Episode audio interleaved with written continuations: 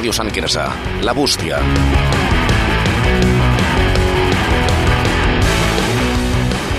Bona nit, Sant Quirze, benvinguts i benvingudes, benvingudes i benvinguts a La Bústia, un programa que ofereix o pretén oferir un abordatge transversal de l'actualitat al poble a través de les vostres consultes, suggeriments, idees, parides, perquè també rebem parides de tant en tant. Sí, sí, últimament... Sí, i ja, ja, ja ens està bé que, arriba, que ens arribi una mica de tot. O sigui que... Bona nit, com estàs, company? Molt bé, molt bé, molt content per la, el rebut del programa. Seguim rebent, mol, rebent molts, molts missatges, moltes consultes, que la veritat ens alegra molt que això no decaigui. Sí. Últimament hem rebut, com has comentat tu, algun missatge eh, bastant estrany, però també és bo perquè ens fa gràcia i de moment no ho tractem, però potser en un futur. Exacte, al final això, eh, com vam explicar, és una bústia, podeu enviar absolutament el que vulgueu i després ja nosaltres veurem el, el que fem. Sí, ha estat una setmana moguda. Has tingut algú especial que ens volia explicar? Sí, però abans de res et volia fer una pregunta que se'm va oblidar fer-te el programa anterior i és que, bueno, aquest és el tercer dimarts que estem ja aquí eh, a l'hora de sopar amb els habitants de Sant Quirze i m'agradaria saber si tu has escoltat els dos programes que hem fet fins ara. Sí, clar, el primer en directe i el segon també. Ah, bueno, en directe no, perquè els gravem, però sí... No, no, que, que els fem en directe. Els fem en directe, clar. Però sí, l'he escoltat eh, a Spotify jo, personalment, perquè és la forma més còmoda, però també està a la web de la ràdio. I què t'ha semblat? Bueno, mm, bé, el que esperava, no? El primer... El segon millor que el primer, però no està malament, hem tingut bon feedback, també de familiars, clar, que no ens diran, no ens diran que el que fem està...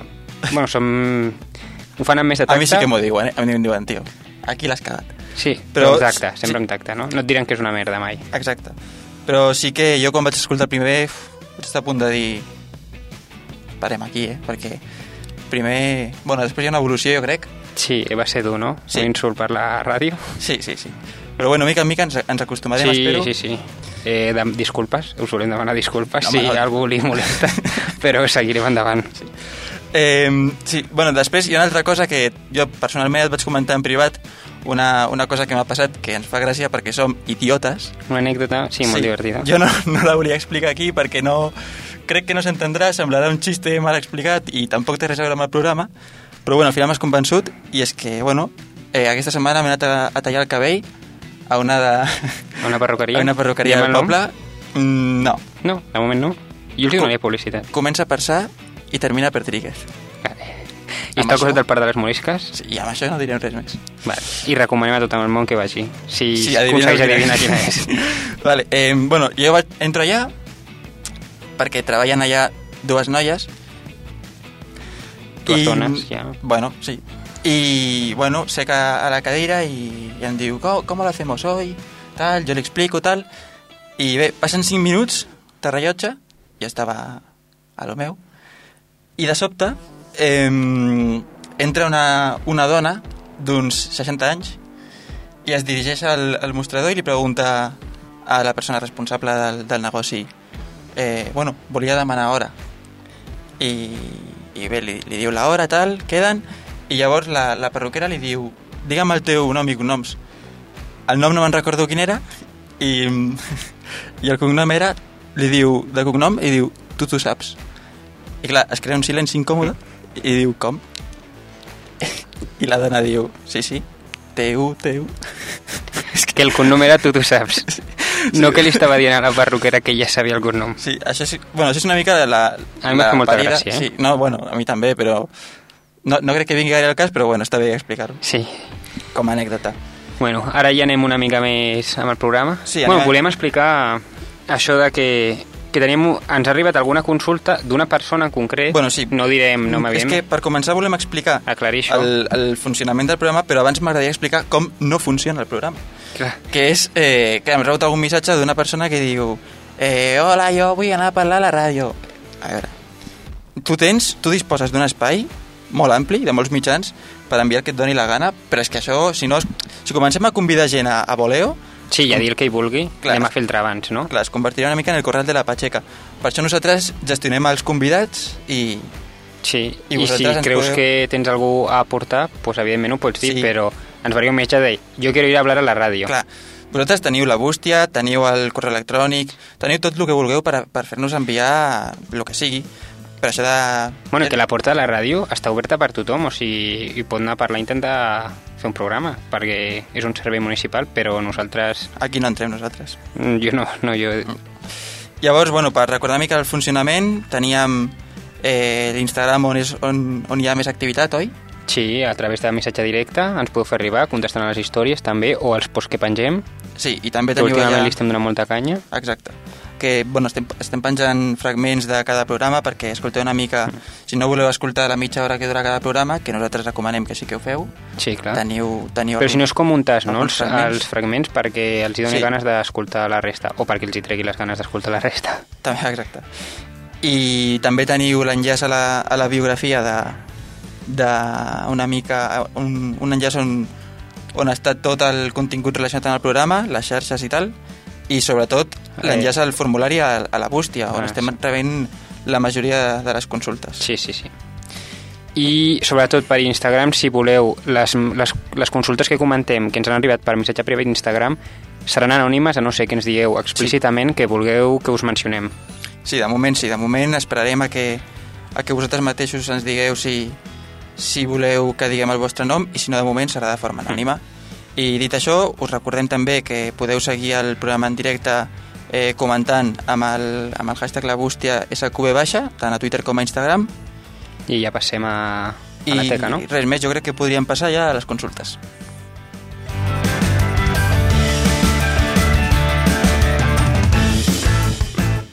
D'acord, abans de comentar la primera consulta, la setmana passada ens vam deixar eh, un tema que ha tingut eh, Molta repercussió. molta repercussió als Ha sortit mitjans. a Televisió Nacional, fins i tot. Exacte, i és un edifici a més que tenim aquí a escassos metres de, de l'estudi de ràdio que vam penjar ja una foto que vau comentar i bé, eh, podeu veure un edifici que, que a l'entrada hi ha un pal de llum que travessa un, un balcó, la qual cosa és... El balcó del primer pis, Sí, la qual cosa és una imatge força còmica, perquè sí, surrealista. sí, sí que és veritat que hi ha hagut casos semblants de, de desastres d'aquesta manera, però aquí tan, tan a prop mai havíem vist res No, clar, hem vist fotos tots per internet de típics balcons sense Sí. portes que donen al balcó eh, i coses així, i port, o sigui, parets sense, o sigui, edificis sense portes i tal, però clar, aquí davant de la ràdio, al costat de casa nostra, que podeu estar tots en 5 minuts caminant, doncs eh, un pal travessant eh, el, terra del, el terra del balcó del primer pis i russant del Exacte. segon. Sí. Jo, de fet, l'altre dia vaig passar per costat i em vaig fer un selfie per Sí? tenir-ho de record. Perquè Sí, jo no l'he vist. No sé què durarà el pal. Bueno, en teoria, pel que diuen que recomendarem, no hauria de durar gaire més, però ja sabem com van aquestes coses, que la burocràcia s'allarga allarga les coses. Exacte, l'origen d'aquesta situació, eh, bueno, el, el portaveu de la immobiliària Cugat Casas Bueno, perquè estan fent obres, estan fent Sí. eh, el bloc de pisos, eh? bueno, que ja, estan acabat, ja han acabat, en ja teoria. l'han ja l'han acabat. Eh, pues el, el portaveu d'immobiliària immobiliària Cugat Casas comenta que van sol·licitar Endesa un comptador de llum provisional per fer l'obra i connectar la maquinària. I en comptes d'això, què és el que van fer? Van començar a tramitar eh, la instal·lació definitiva en comptes de ficar eh, un comptador provisional per poder acabar l'obra i, clar, eh, fer la instal·lació definitiva, evidentment, eh, fa que tot s'allargui molt més, que pots, eh, van a, a, concretament entre un any i mig i dos. Exacte, llavors, eh, vista aquesta situació, van decidir tirar endavant, ja que els sortia més a compte eh, fer aquesta, bueno, provocar aquesta imatge eh, en comptes de d'haver d'esperar, perquè si no perdrien, ten, perdrien temps i diner. I per això havia de seguir connectada eh, la instal·lació aèria a través del PAL Exacte. I, bueno, d'això és una cosa, eh, aquest cas és especial, no només, o sigui, en teoria és un cas únic, no ha passat gaire, encara no ho diem perquè estigués en Quirze, Per però hi ha arqui arquitectes i constructors, eh, això és una notícia que recollim de la, de, feta a l'avantguàrdia, que es queixen que en general el temps d'espera de, dels serveis, de l'electricitat i gas, eh, fan que, es fa que s'endarrereixin molt i que es dificultin eh, l'entrega d'una obra i la finalització d'aquesta. I això és un, és un exemple més de el mal funcionament que tenen segons quines companyies que tenen el monopoli de l'energia i del gas i de l'electricitat aquí, aquí a Espanya no diria el seu nom, Endesa eh, Sí, llavors... i fa que tot costi una mica més I, sí, eh, oferint una, una possible solució per gestionar casos com aquest és habilitar una oficina d'Endesa. això, és- això ho han dit algun un arquitecte en concret va, ha dit que Sí. això és una possible solució Clar, seria habilitar una oficina d'Endesa per atendre els terminis de construcció i no endarrerir tant les construccions. Que Sí. de pocs mesos eh, acaben 100 anys. Sí. En el cas concret d'aquesta obra, que en teoria ja està acabada, han dit des de la immobiliària, Sí. eh, ja s'ha venut el pis i que en un parell de mesos es podrà entrar a viure. Sí, tot i que la, la regidoria del, de territori de l'Ajuntament ha declarat que el tècnic municipal no podrà concedir eh, la primera ocupació d'aquestes vivendes si el pal continua al mateix lloc perquè incompleix la normativa que entenem que és la normativa, la, la normativa de propietat horitzontal. Sí, no, no ho sé segur, no ho he comprovat, però sí, en, en principi ha de ser aquesta. I clar, és que no sé fins a quin punt tu pots viure quan tens un pal de fusta de, que ha de ser de diàmetre, uns 20 centímetres tranquil·lament, Sí, sí. atrevessant tot el balcó. Bueno, jo crec que la problemàtica real no és el balcó, que evidentment també, sinó el fet que estigui a, a l'entrada de la porta, perquè jo crec que tots els problemes venen d'allà. No sé, no sé. Bueno, per part d'Endesa, que ja són els... Han, també han dit la seva, i asseguren que una vegada s'acabi l'obra, que com és el cas, que l'obra ja està en principi acabada, se'ls haurà d'enviar la documentació tècnica per connectar la línia definitiva, és a dir, la línia subterrània ja definitiva de la, del gas i l'electricitat, i ja podran eliminar eh, la via aèria, que és el pal de fusta que travessa tot l'edifici.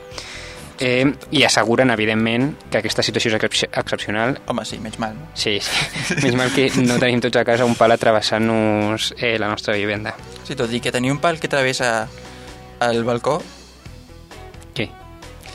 Li dona glamour durant un dia, però després eh, ha de ser una putada gegant. home, i tant. I sobretot, eh, el que comentàvem, si el tens a la porta i has de fer una mudança o...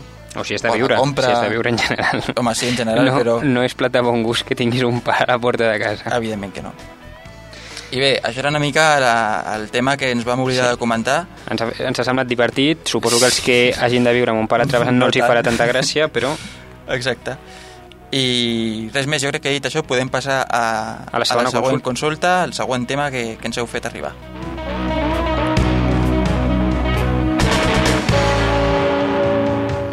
aquesta consulta ens l'han fet arribar a través del formulari de la bústia, Sí, que recordem que el teniu a, a l'enllaç a, tant d'Instagram com de Twitter. al perfil d'Instagram com Sí. de Twitter teniu un enllaç que posa Linktree, heu de clicar i la primera opció és la bústia i La consulta la consulta que hem, que hem rebut és la següent. És per part d'una noia que s'ha fet, de- que es diu Núria, suposem que és una noia. Sí, que- No vull assumir el seu gènere, Una, però... co una cosa que voldria comentar és que a mi m'ha sorprès la quantitat de gent, de gent que es vol identificar, perquè Sí, és no sé. completament anònim, però bueno, en aquest cas la Núria ens ha volgut dir el següent. Que ara que ve l'hivern i que el dia es fa curt i fosc, eh, molt d'hora, proposa que, o que la gent que va en patinet i bicicleta compleixi la segu- Bueno, proposa que la gent que va en patinet o bicicleta compleixi amb la llei de seguretat viària i que es faci complir per la seguretat de tots. Sí, a mi el, el que m'ha cridat l'atenció d'aquesta consulta, que, que evidentment comparteixo, és que vale, sí, ara es fa, eh, es fa de, eh, més d'hora fosc i tal, ve l'hivern tal, però s'hauria de complir els 365 dies de l'any, o sigui, eh, m'és igual que sigui hivern, estiu, ta- tardor primavera, s'ha de complir sempre. Clar, ara que es fa fosc és més perillós, eh, perquè evidentment es veu menys, però clar, eh, tant les bicicletes, sobretot com els patinets, perquè sigui els patinets ja, ara ho comentarem, ja des de fa un temps està regulat, però com la gent creu, s'ho pren com, suposo, com un patinet normal i no elèctric, Sí. sí. pues fa el que fa i desfà una mica com li dóna la gana, no vull generalitzar, evidentment, i ara la gent que compleix, i que deu ser la gran majoria, Poca. però clar, tu, tu et fiques amb els que et molesten, que són els que normalment els que no compleixen, i Exacte. és perillós, sobretot per ells, perquè si tu vas amb un cotxe, la, els que té de el, el que té l'has de perdre és el que va amb un patinet. és que sí, amb dues rodes i, i probablement a la meitat de velocitat que el cotxe. Mm. També és que hi ha una imatge que segur que tothom hem vist, que és eh, la típica imatge d'un patinet i que van dues persones a sobre. Sí, quan és un vehicle de mobilitat personal eh, i està prohibit que vagi més d'una persona, teòricament. Exacte, el I, patinet- és, mo- i és una o sancionable. El patinet és considerat un vehicle de mobilitat personal i aquests han de complir una sèrie de, de característiques i respectar un seguit de normes que són mínimes, tot i que després cada ajuntament pot, pot regular de manera específica. Sí, per començar, el vehicle de mobilitat personal, el patinet elèctric és un vehicle de mobilitat personal perquè és d'una única plaça i que sigui, està propulsat per motors elèctrics i amb una velocitat d'entre 6 i 25 km per hora. Sí, o sigui, en principi no podeu trobar a la venda un, un patinet que pugui anar més ràpid als 25 km per hora, tot i que sí que és cert que hi ha gent que els truca. Sí, I això en principi i és és, il·legal i, i és sancionable. multar. Exacte. Eh, més? mm, mm, mm. algunes de les infraccions que volem comentar, que són les més comuns que es fan amb el patinet elèctric, Sí, són que Eh, conduir, bueno, no sé si són les més comuns, però conduir sota els efectes d'alcohol o drogues, evidentment, s'han de complir els mateixos criteris que si condueixes qualsevol altre vehicle, com pot ser un cotxe o una moto. I probablement és bastant comú. Sí, sí, no sé. I et pot caure una multa d'entre 500 i 1.000 euros, en principi. Sí. I, et, evidentment, si t'enganxen amb això per demultar-te, el vehicle et quedarà immobilitzat, eh, tal, com, eh, tal com passa amb, si vas amb cotxe o amb moto, que evidentment no et multen i et deixen, et deixen seguir conduint. Sí. Després, eh, tampoc pots fer servir el telèfon mòbil mentre condueixes el, el patinet ni qualsevol dispositiu de comunicació perquè si no la multa serà de 200 euros. Sí. I és, això és bastant comú, que la persona que va en patinet porti també auriculars. Sí. Està prohibit i els que condueixin durant la nit sense ningú tipus de llum o, o xalec reflectant i si no es porta casc també, que és algo molt comú no portar casc. Sí, la veritat és que és molt comú. Eh, bueno, la, el casc no és obligatori. Eh, el casc no és obligatori, no, ha d'haver una ordenança municipal que ho obligui, però Sí, aquestes són les regulacions que comentàvem anteriorment, que cada ajuntament pot Sí. regular de forma més específica. i, i però serà una multa d'uns 200, de 200 euros aproximadament si hi ha una ordenança municipal que mm, se m'ha oblidat eh, buscar-ho si aquí a Sant Quirze hi ha una ordenança municipal sobre la regulació dels vehicles de mobilitat personal Em sembla que sí que hi havia. Sí? Sí, doncs no, no me l'he llegit personalment o sigui que no, no sí em sé. sembla que és un document eh, prou llarg on podeu, on podeu trobar tota la informació relativa al respecte. També comentar que la DGT ha elaborat un manual de característiques tècniques i tots els models i marques de patinets que hauran de complir eh, aquests requisits a partir de 2024.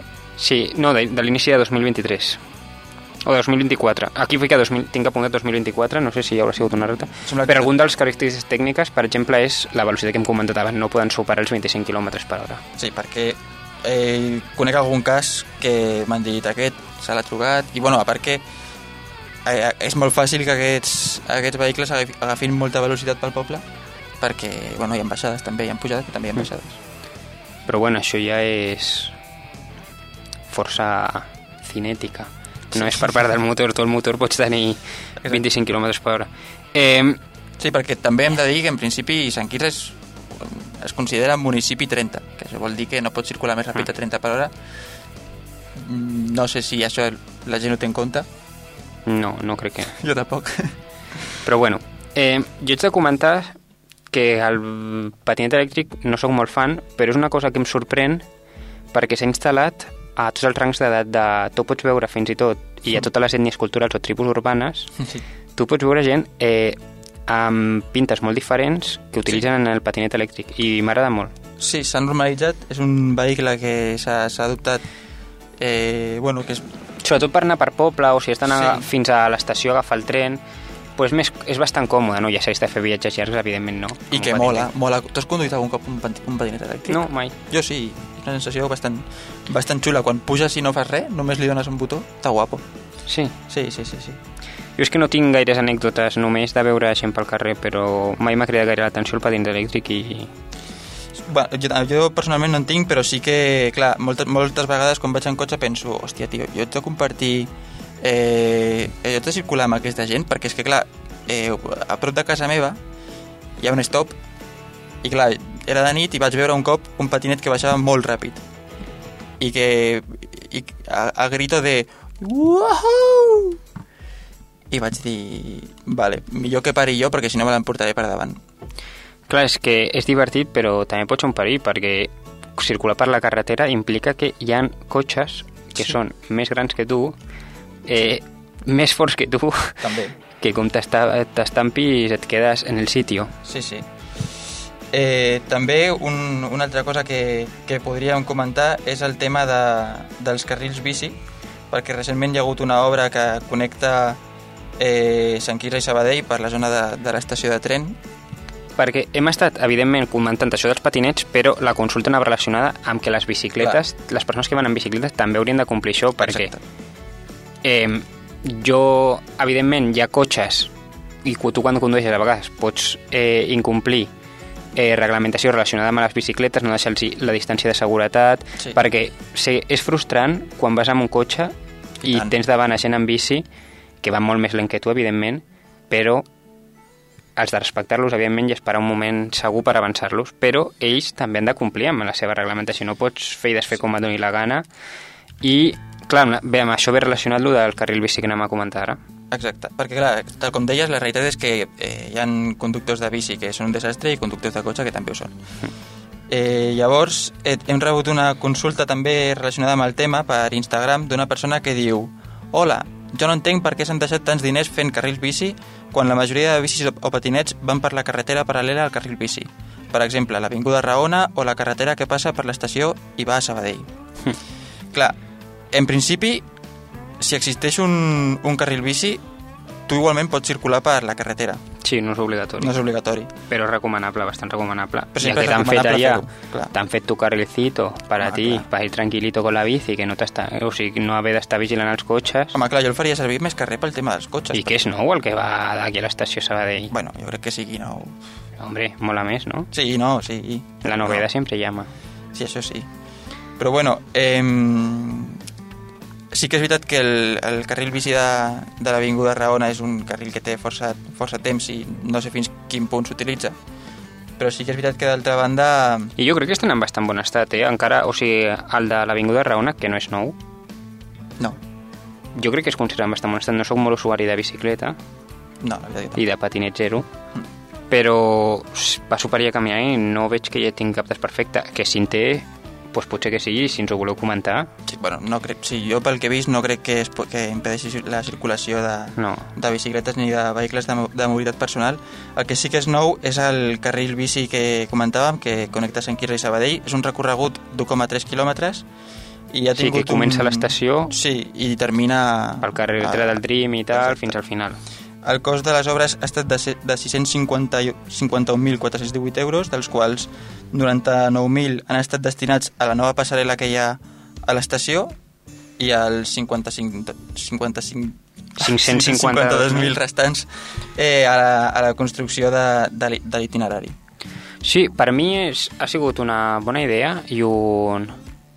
O sigui, em sembla bé perquè era un, és una zona que tant per anar comunicada, està ben comunicada per anar amb cotxe, però si vols cami anar caminant o en bici, em sembla que ha sigut un... Sí, Sí, sí perquè aquella zona no és, no és mai gaire bé comunicada, no, una zona...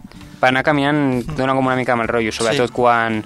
Perquè jo no, no he fet gaires vegades aquest rock caminant, però si volies anar a la zona hermètica de Sabadell, a les discoteques Sí. i tal, quan és més petit, que normalment, si no tenies algú que et portés amb cotxe, te l'havies de fer caminant, Em sembla Pues també que ara- han, han posat un semàfor no estic segur. Sí, per, per creuar d'un- d'una banda a una altra, la qual cosa jo crec que també incentiva una mica a fer servir aquest carril, ja que compleix amb, Mm. amb els... Bé, amb, amb, el, amb els requisits mínims de seguretat, suposo. I... I està bé, sí. tota la iniciativa que Sí, sí. sí. doni facilitats a gent amb bici o patins elèctrics està bé, perquè... Sí, afavoreix la, la Són- mobilitat sostenible i també l'activitat física, que avui dia és força Sí. important. y que son un colectivo muy maltratado los ciclistas. Bueno. Eh, jo no sé si vols comentar alguna cosa més sobre el tema. Bueno, que hi ha vegades que la gent que va en patinet eh, i en bicicletes també haurien de... Sobretot en patinet, que són...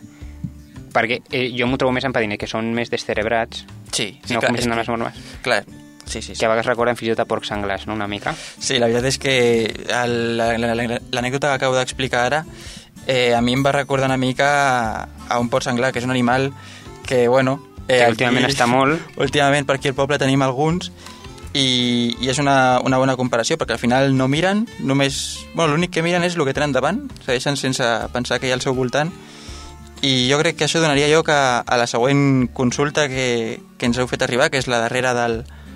del, Del programa, d'aquest programa avui. Sí. que ha sigut una connexió una mica forçada, però Exacte. eh, la qüestió és que vam rebre imatges a través d'Instagram Eh, sí, bueno, hem rebut un parell d'imatges sobre, sobre porcs senglars. Eh, vam publicar un vídeo al nostre Instagram on es veu un porc senglar que- creuant el pas de zebra eh, a l'avinguda, em sembla que és l'avinguda Antoni Gaudí, al costat de, de la taverna La Branya, i el tio anava a direcció, no sabem si als contenidors o si a la pròpia taverna La Branya. jo suposo que als contenidors, però pot ser No ho sé. potser t'ha de fer un passeig nocturn que a mi m'agrada molt passejar de nit no ho faig gaire però m'agrada caminar Pels contenidors també. sí, a prop, sí pot ser Eh, abans d'això, eh, hi, ha, hi ha hagut una notícia aquest estiu eh, força, que ha tingut força ressò, que es tracta d'un porc senglar que va sortir de la platja i va, va atacar una, a una senyora de, de 67 anys mentre est estava de vacances. Vaya susto, eh? Vaya ensurt. Però clar, tu pensa, la senyora torna a casa i li diuen què tal la platja? I diu, ha sortit un porc senglar de l'aigua Ha i un m'ha jabalí. mossegat. M'ha mordit un jabalí. A mi em sembla increïble, o sigui... Sí. Sí. És que el que em sembla també increïble és que, clar, en principi aquest porc senglar eh, que va sortir d'una platja d'Alacant Clar, és que tu vigiles que no hi hagi meduses, saps? És el que, és el que et No pot porcs espantar d'una platja, no Sí. que no hi hagi porcs senglars. Clar, en aquest cas, eh, a mi el que em sorprèn és que el porc senglar, que es veu que es va precipitar des del Parc Natural de la Serra Gelada... Eh, Tot això a Alacant, eh? Sí. A mi em sorprèn que el tio, la capacitat d'orientació, perquè clar, es deu haver fet una hòstia que... Com una hòstia. Home, tio, si va caure des de... Tu has vist... Tu, tu coneixes... No? bueno, és un... És una, una mena de... Bueno, hi ha un precipici al mar. I es veu que va caure des d'allà dalt. I clar, tu imagina't que el tio no s'orienta i se'n va a direcció contrària cap a les Illes Balears. I acaba a Mallorca. Bueno, tenia un 50% només o menys de possibilitats d'encertar. Potser no és que s'orientés bé, sinó que va tenir sort. Un 5... Sí. No, no sabem. El tema és que eh, en sortir de l'aigua va mossegar una senyora, això sí que ho sabem, i que després va dir, pues me'n vaig cap a un càmping. I es va fotre dins d'un càmping És que un càmping sempre està bé, no? Una barbacoita... Sí, clar, però la que valia no té nom. Bueno, va, va, més per culpa de la resta que per culpa seva, eh? Sí. Perquè la, és normal que t'espantis si veus un porc senglar. Sí. Tu estàs allà en... Bueno, que a part està el vídeo a internet i es veu com surt boig. Tu estàs en la teva parcelita i veus un porc senglar allà Clar, i, evidentment... el, el tema és que la notícia acaba amb que el, la policia local, davant de tot el caos que va generar, eh, se'l va carregar. Hm. Potser una mesura desproporcionada, però Sí. per desgràcia és molt... O sigui, la caça del porc senglar últimament està molt extesa perquè s'ha multiplicat molt el número de, el número de porcs senglars eh, tant a Catalunya com a Espanya en els últims anys. Sí, tot i que, eh, com comentaves, jo sí que considero que és una mesura força des desproporcionada perquè, home... no És difícil, que- no? O sigui, evidentment, matar-los no és la solució, però què fas amb aquell? Bueno, el També- pots tornar al parc, en aquest cas el pots tornar al parc natural. I que també hauríem d'haver vist eh, com era el càmping, la que valia i tal, Mm. però no em sembla una, una possibilitat com a mínim eh, viable. Bueno, i estem comentant això perquè, evidentment, eh, responent a la història, ens veu comentar alguns que últimament hi ha molts porcs senglars aquí a Sant Quirze, al Sí. poble. I és perquè, com ja he comentat, eh, el número d'aquests ha augmentat molt en els, en els últims temps i van baixant des de... I com vivim al costat de la natura, Que és una sort, jo crec, sí, evidentment és una sort tenir al costat un bosc o perquè sí, la tenim... mola o tot el que tenim la Serra dels Bueno, la Galliners, aquí queda una mica més lluny, sí, sí però la Serra dels Galliners i la tal. Serra de Galliners també... Bueno, jo em vaig trobar un fa poc a l'escatepark. No, no estava dins del mateix skatepark, però a la zona del voltant... Que, Sí, que però és que ara ja baixen més fins aquí, venen en busca de menjar perquè en els containers, si, si no llancem bé les coses, no, les, no lliguem les boles i les llancem dins del container, Sí, igualment això ara, ara ho parlarem Sí. perquè so- hem de seguir un seguit de, de recomanacions per evitar... Bueno, per, per evitar que baixin els porcs senglars no, perquè si volen baixar baixaran, però bueno, eh, de cara si ens trobem un... Primer hem de, hem de tenir en compte que és un animal que sembla És- que no, però és molt ràpid. I és salvatge. és salvatge, o sigui... Eh, la, la velocitat del màxima del, del porc senglar oscil·la entre els 45 i 55 km per hora. Més que un patinet elèctric, És bastant més. el doble pràcticament, Sí. molt més del protopolo. Si no està trucat. Sí, clar. Bueno, i no, en principis, o sigui, són animals salvatges, però no són agressius amb les persones i acostumen a fugir, però, Sí. clar, això no implica que tu et puguis apropar acariciar-lo sense esperar que et foti una mossegada, perquè llavors Clar, no és com el teu gos, el Toby, que, que Sí. és molt majo, no, no. no. Sí, sí, i que ja està fet perquè no et mossegui. Clar, llavors, eh, les recomanacions eh, principals que hem de seguir davant d'un porc senglar, primer és deixar-lo en pau, Sí. Ni- Si el veus, no t'apropis gaire Ni i surt- no el molestis. ni cridar, ni tampoc sortir corrents, perquè si no potser s'altera. Sí, entenem que a segons qui li pot donar por, però la solució no és sortir corrents ni cridar, sinó... Ell, ell en principi no t'ha de molestar. Tu si segueixes caminant el teu camí el deixes a ell, no et para res. Sí, el tema que també, clar, que el tio estigui enmig de la taverna a la Branya és... Sí, és sorprenent i és et pot sorprenent. espantar. Sí, i a més és una zona on, on s'ajunta molta gent, també hi ha nens, Mm. tal, i s'ha de tenir... També s'ha de tenir en compte amb els gossos, perquè, Sí. clar, tu al gos no li pots explicar que és un porc senglar. Clar. I que si li toca una mica els nassos potser el porc senglar eh, te deja sin perro. Sí, se- se- se'l brena i no baixa, no torna a baixar al poble dins d'un mes. Sí. Eh, per això, eh, portar els gossos, lligar el gos, si no el tens lligat i, passes, i et dona casualitat que passes per un porc senglar, al costat d'un porc senglar, en principi no et farà res si no estan ferits eh, ni es veuen amenaçats, no haurien d'atacar, i sobretot eh, són animals salvatges, no els alimentem perquè si tenen, a, o sigui, ells es Sí. busquen el menjar i, i no els alimentis perquè llavors mentre els hi dones menjar pot passar que Exacte. et clavi una queixalada. També ens vau preguntar que què tenia pensat fer al respecte de l'Ajuntament i clar, això nosaltres no ho sabem, però No. sí que eh, bueno, aquí a Catalunya s'han pres una sèrie de mesures en, el, en algun, Sí. algunes zones. Eh, per exemple, hi ha un, unes empreses que es dediquen a... A la gestió de faunes salvatges Sí, a la, en entorns urbans i que ofereixen sistemes de control de porcs senglars. Sí, la qual cosa és, és una opció. Eh, Sí, o sigui, són empreses que es dediquen literalment a caçar porcs senglars i a matar-los i ja, ja, o sigui, està no direm el nom de l'empresa que hem vist nosaltres, però ha fet bastantes operacions tant per Barcelona com per la zona de Bellaterra, per Cerdanyola, la zona de la Universitat Autònoma... Sí, tot i que per no estic Cugat. dient que la solució si trobes un porc senglar a la, a la branya és carregar-te l'animal menys. Però Eh, sí que, clar, hem d'acceptar que eh, el fet de viure al costat de la Sera Gainers, també tenim la Via Verda, són zones eh, on molt probablement hi hagin eh, porcs senglars i, bueno, és una sort el fet de d'estar envoltats de natura, però té aquestes coses i jo crec que hem de saber com, com actuar dav- davant d'un port senglar i també col·laborar com a, poble, com a poble, perquè si baixen els contenidors no pot ser que hi hagi bosses de... que deixen bosses obertes, Obertes terra, i tirades pel terra. perquè llavors l'únic que fas és eh, que s'alimentin eh, del menjar aquest i tornin a baixar i, Clar, sí. i cada vegada baixin més. Sí, sí. Ja no només pel nombre, que estan creixent amb molta quantitat i actualment hi ha més d'un milió de porcs senglars a Espanya i es preveu, això segons National Geographic, que en 2025 es dobli aquest número, o sigui, Sí. i tot això que es cacen uns 400.000, o sigui, a Espanya es cacen uns 400.000 porcs senglars És a l'any. quants, la veritat és que sí. Sí, sí. La, I fins i tot la Generalitat de Catalunya ha creat ajudes destinades a fomentar la captura del porc senglar i a introduir la seva carn al circuit de comercialització perquè, eh, com ja he mencionat en repetides ocasions i ja m'estic fent passat, Sí, és, un, és un animal, sí, és una població molt- que s'ha multiplicat moltíssim. i que seguirà augmentant, o sigui, les previsions que segueixi augmentant, i per això cada vegada ens trobem més a Sant Quirze Sí. i a tot arreu, i i que ara, clar, ja estan agafant confiança i, i baixant més cada vegada més a la, a la urbanització per menjar. Clar, és que jo, el port senglar aquest que estava a la taverna de la Branya, no sé d'on ha pogut sortir. És a dir, ha creuat la Batzuca des de la zona de Galliners o...